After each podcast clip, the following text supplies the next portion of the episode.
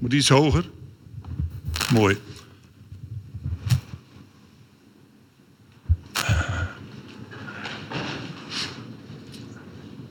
Er zijn altijd mensen in de diensten zoals deze die denken na verloop van tijd, wanneer stopt hij nu?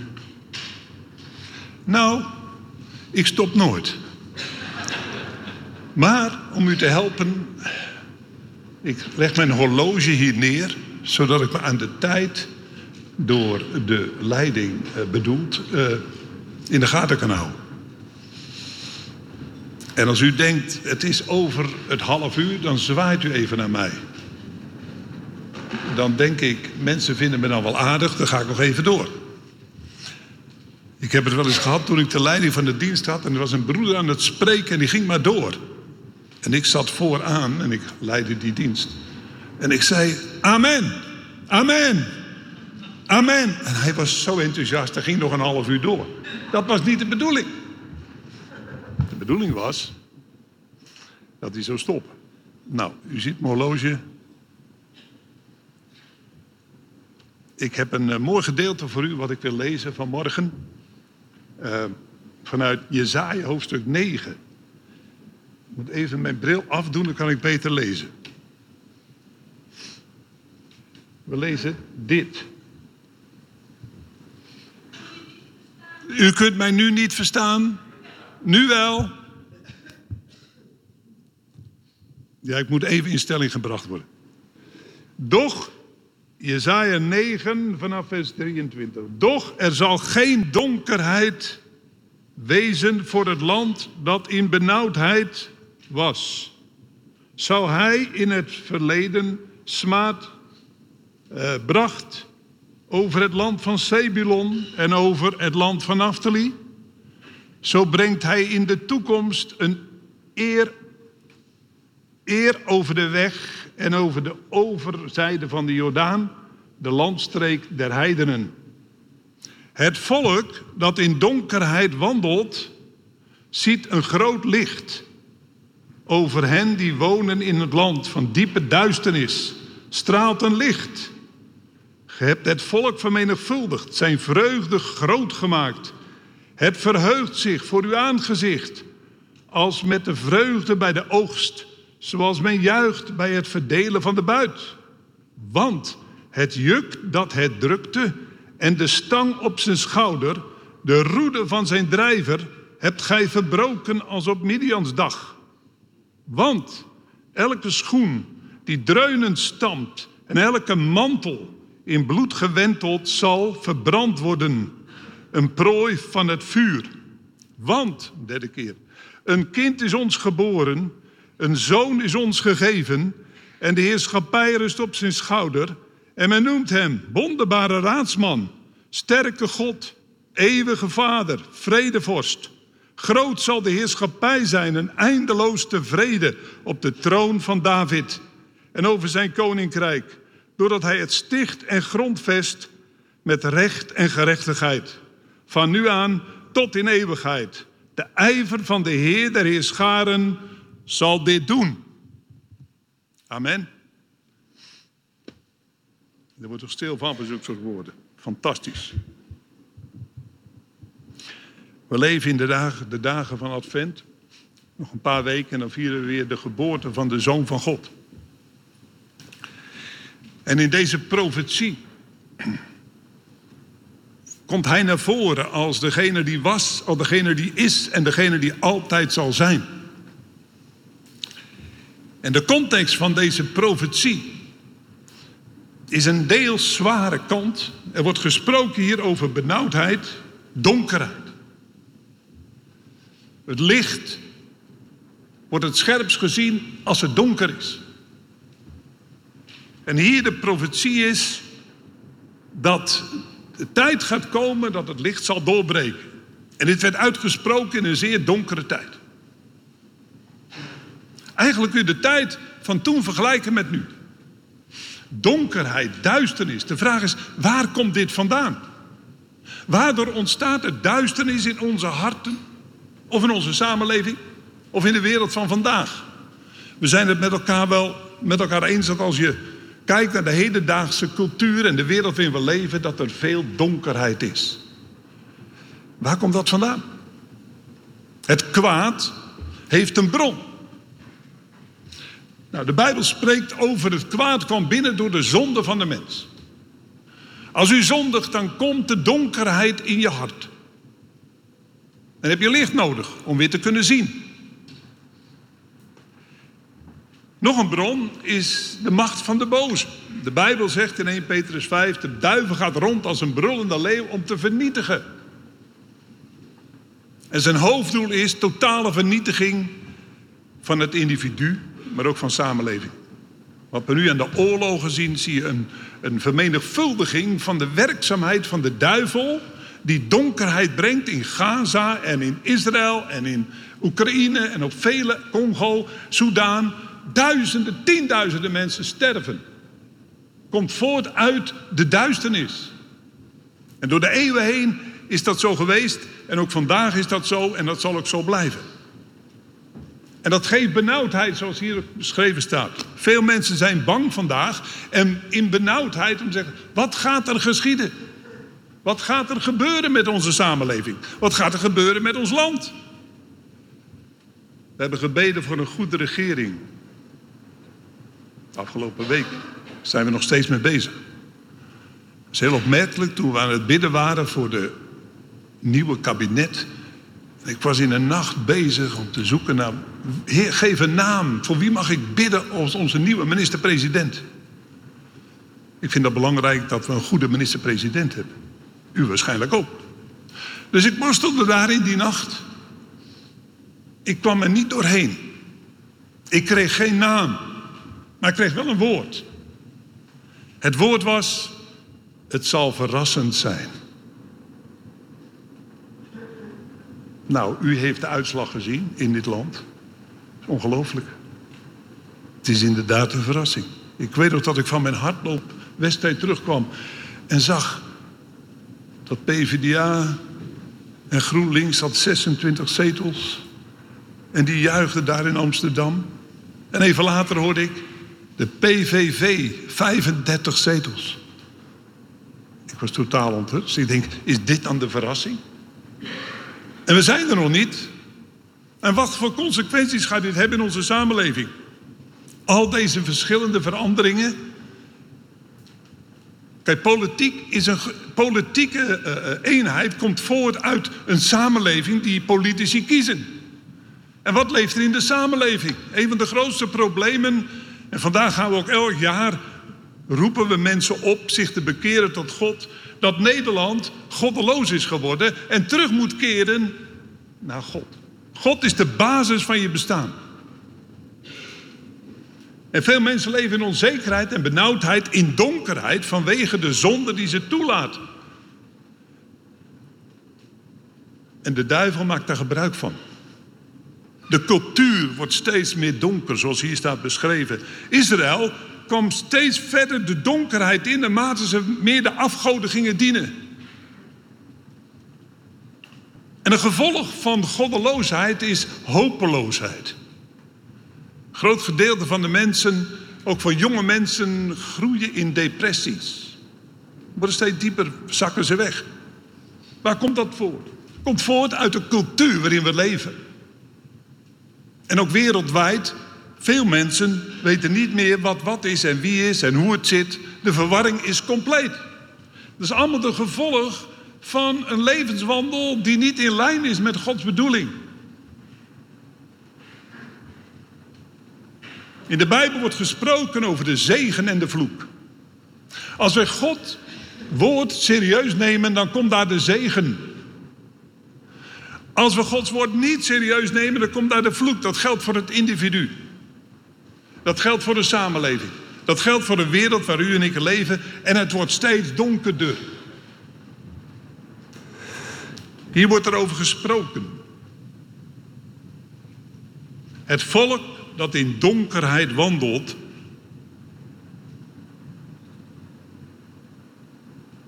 gaat iets zien. God geeft nooit op. Ik Ik bad het in de voorbereidingsgebed uit Romeinen 15. God is de God van volharding en vertroosting. God had voor de grondlegging der wereld al een gedachte. Natuurlijk zag hij de geschiedenis van Israël, maar hij zag ook de geschiedenis van deze wereld. Dat kunnen wij niet vatten. God is alomtegenwoordig, kunnen we ook niet vatten.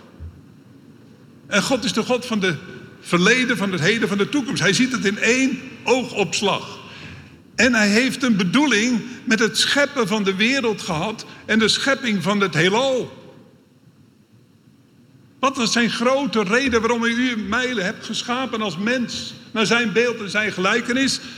Wat was zijn bedoeling met het scheppen van deze wereld?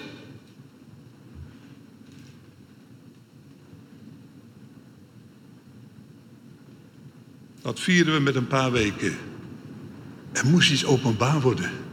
Er was iets verborgen in God wat zichtbaar moest worden.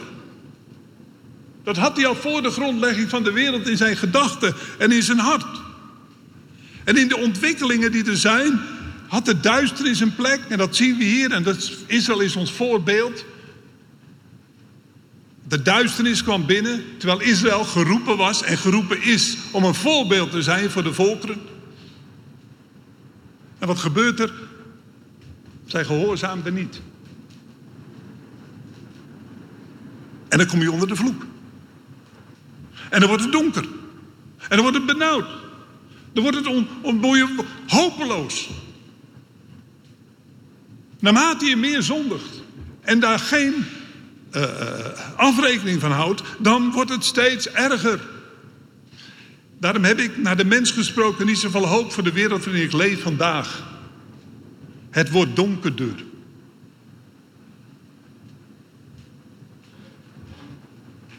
En daarom is het evangelie waar we vanmorgen over spreken zo relevant. Is er nog hoop?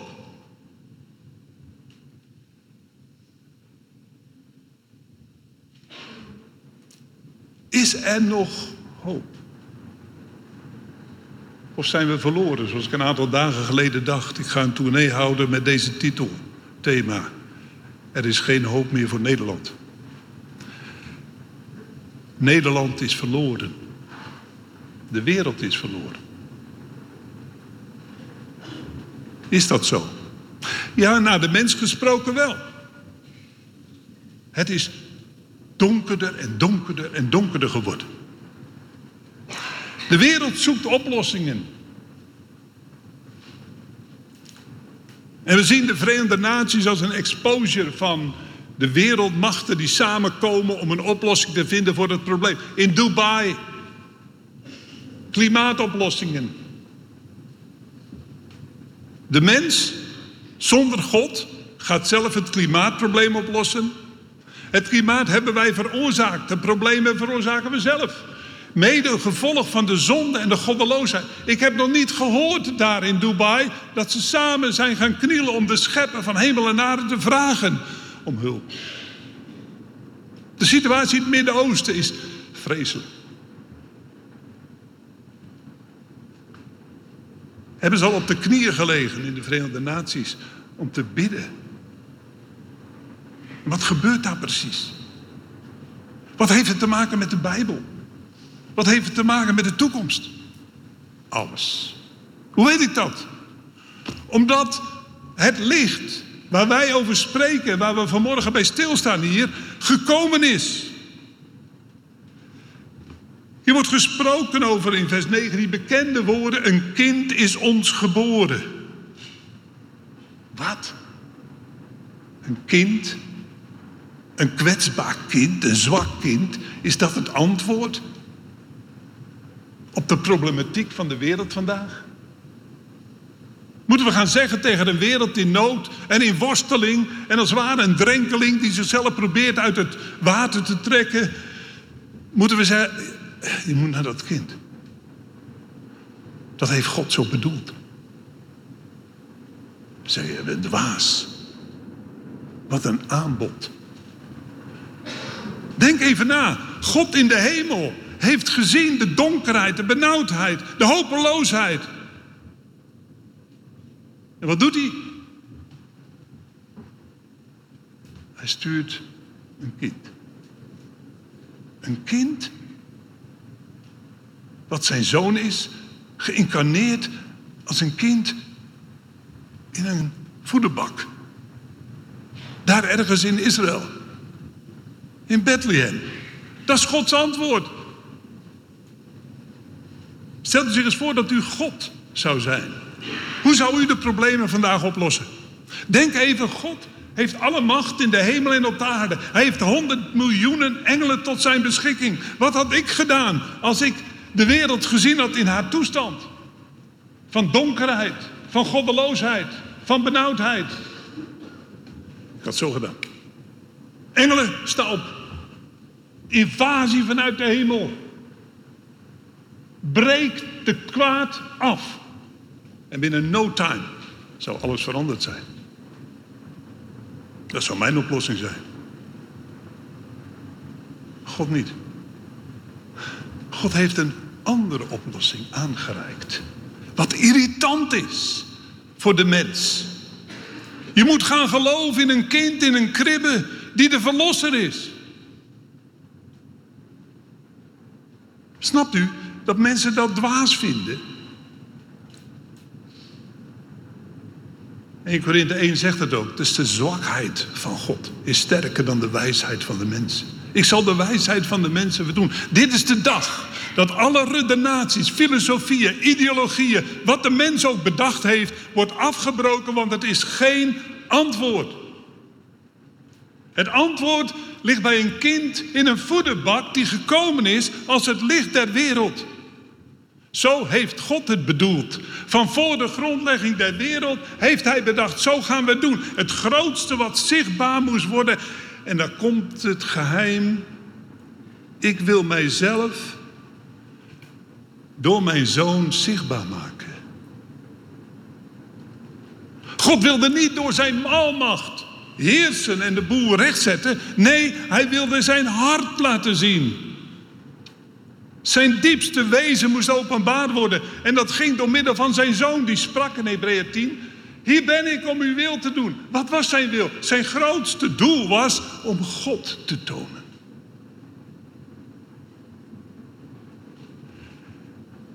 En daarom kwam hij als een mens. Immanuel, God met ons. Hij ging naast ons staan. Daar koos hij voor. Dat is zijn plan. Of het er mee zijn of niet. Dat heeft hij zo bedoeld. En dan lezen we hier: een kind is ons geboren. Een kind. Het leven van een vernieuwd mens en een samenleving begint met het aanvaarden van wat God heeft gegeven. Waar kwam dat uit voort? Uit Johannes 3, vers 16. Want al zo lief heb ik de wereld gehad. De wereld stond helemaal niet op het licht te wachten. De wereld wil liever in de donkerheid blijven. In zijn egoïstische, zelfzuchtig bestaan. En in vijandschap ten opzichte van God. Dat is de natuur. Maar God, die nooit opgeeft, heeft Israël tot aanzijn geroepen. Tot aan de dag van vandaag speelt Israël een cruciale rol in Gods verlossingsplan. En in Israël, uit Israël, kwam de Messias. De eerste keer. Daar in Evrada. Dat was zijn plan. Zijn we het ermee eens? Ja of nee? Dat maakt me niet uit. Dat is zijn plan. Trouwens, dat gaat hij ook nu doen voor de tweede keer. Wat gebeurt in het Midden-Oosten is de voorbereiding voor de tweede komst van het licht der wereld. Maar dat kind, zoals hier staat beschreven in, eh, in, in eh, Jezaja 9, bleef geen kind. Het groeide op in wijsheid en genade staat er. Het kwam tot volwassenheid en volvoerde de missie waarvoor hij gekomen was. Wat was zijn grote missie? Om te sterven aan een kruis. Om de macht van het kwaad te breken door middel van het kruis.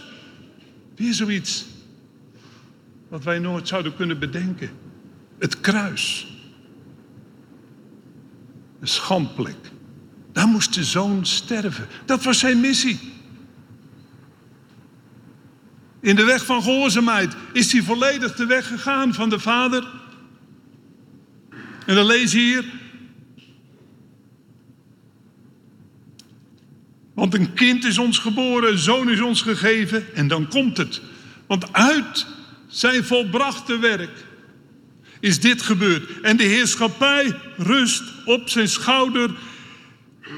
En men noemt hem wonderbare raadsman, sterke God, eeuwige vader, vredevorst.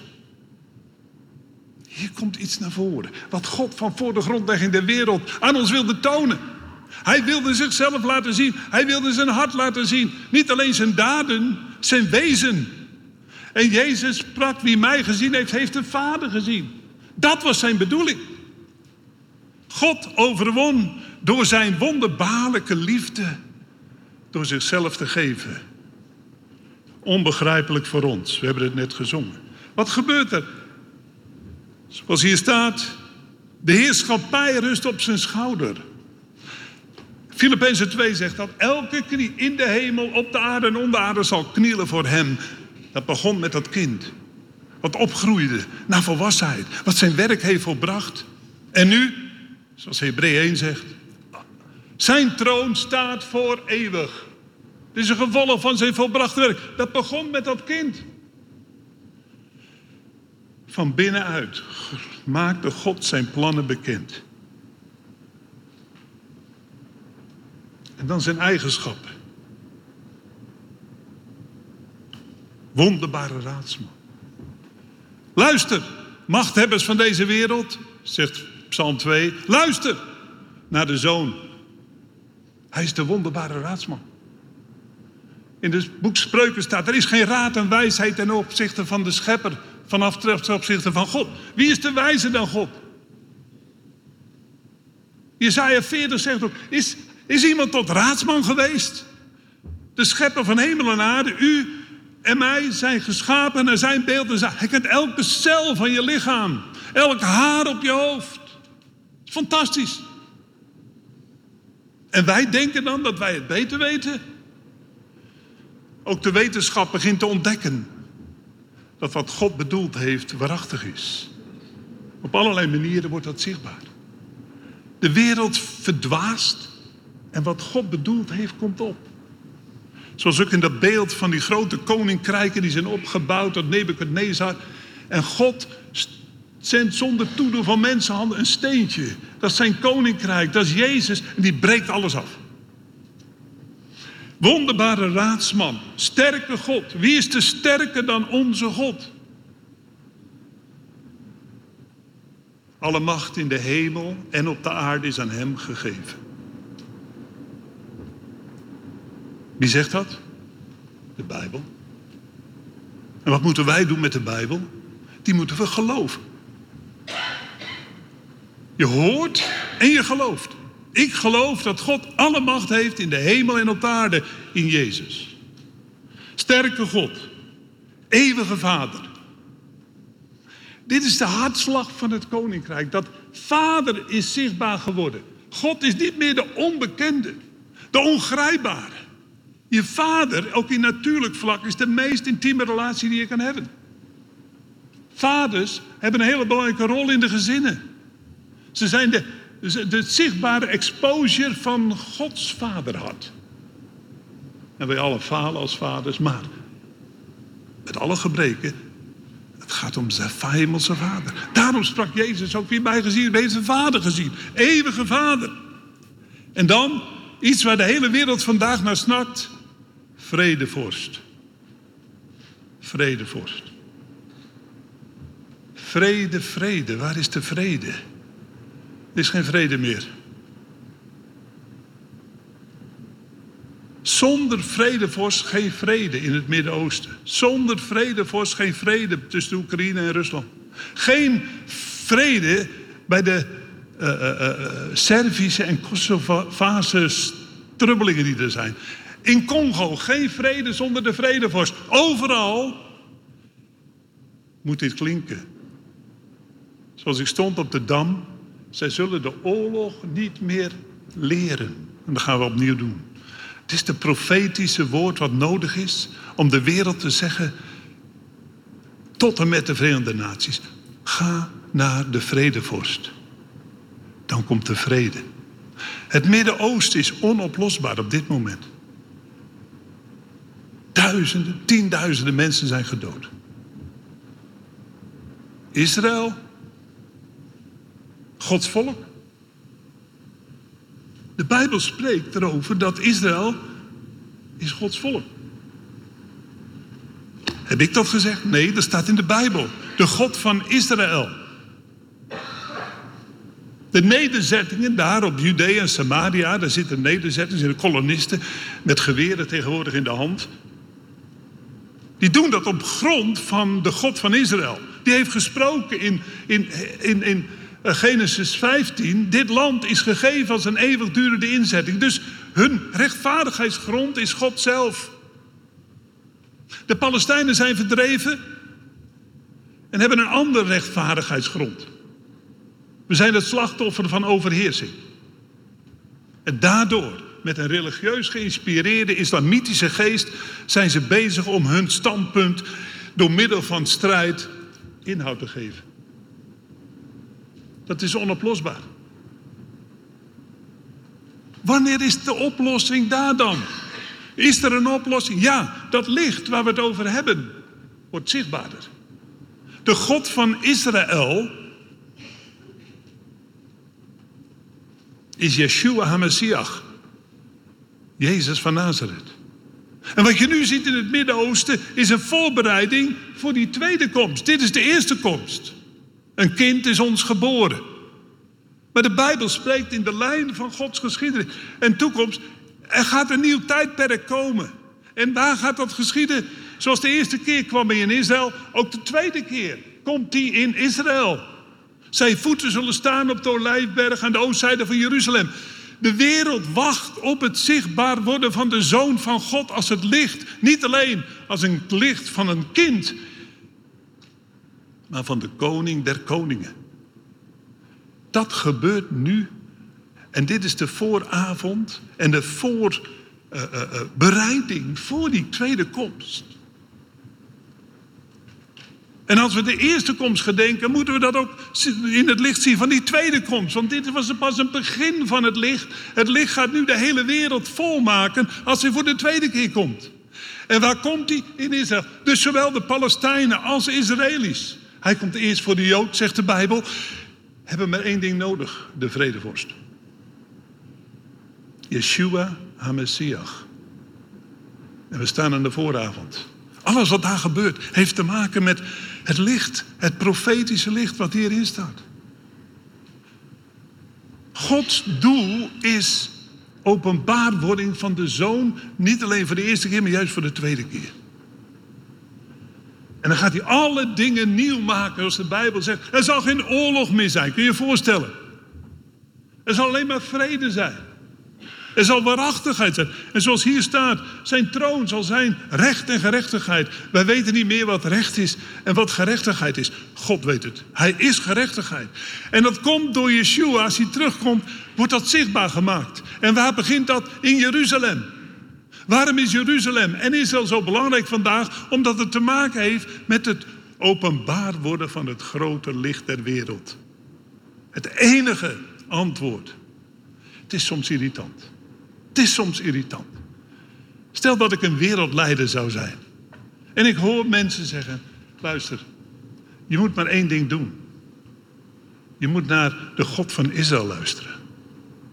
Jezus. Je voorstellen?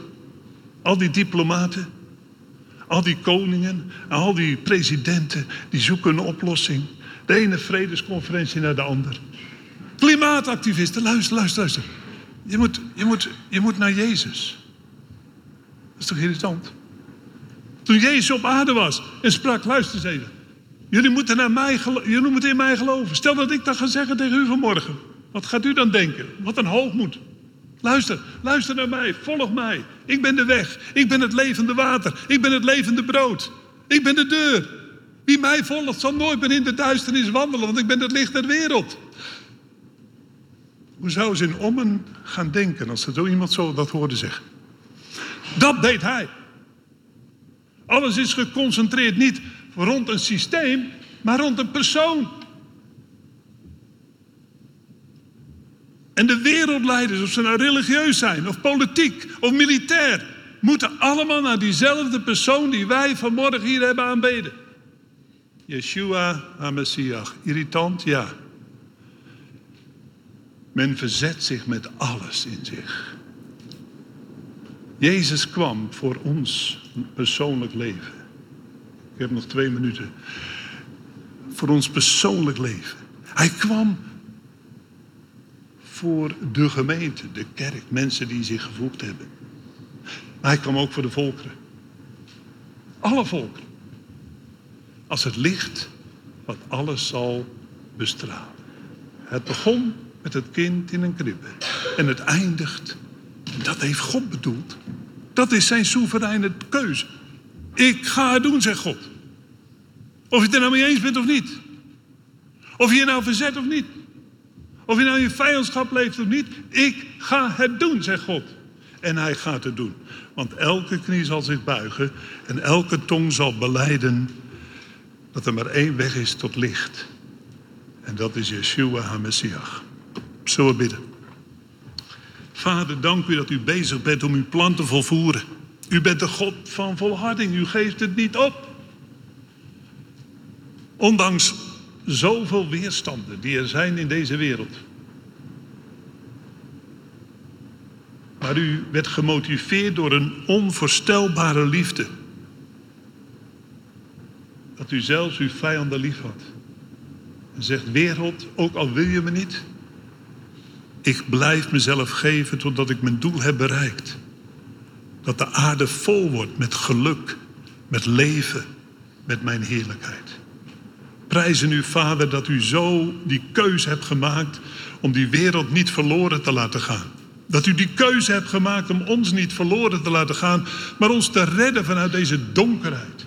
Hier zoveel miljoenen om ons heen zijn in nood, zijn depressief, zijn wanhopig, hebben geen licht. En dan zegt u, een kind is ons geboren. Een zoon is ons gegeven. Zo bent u begonnen met uw verlossingsplan. En als u toelaat in ons leven, dan gaat dat kind in ons leven. Dan komt er licht. En ik bid voor iedereen die hier is vanmorgen. Laat het licht toe. Er is geen ander antwoord. Laat het licht toe in je leven. En ervaar de hoop, de verwachting, het leven van Jezus. Amen. Amen.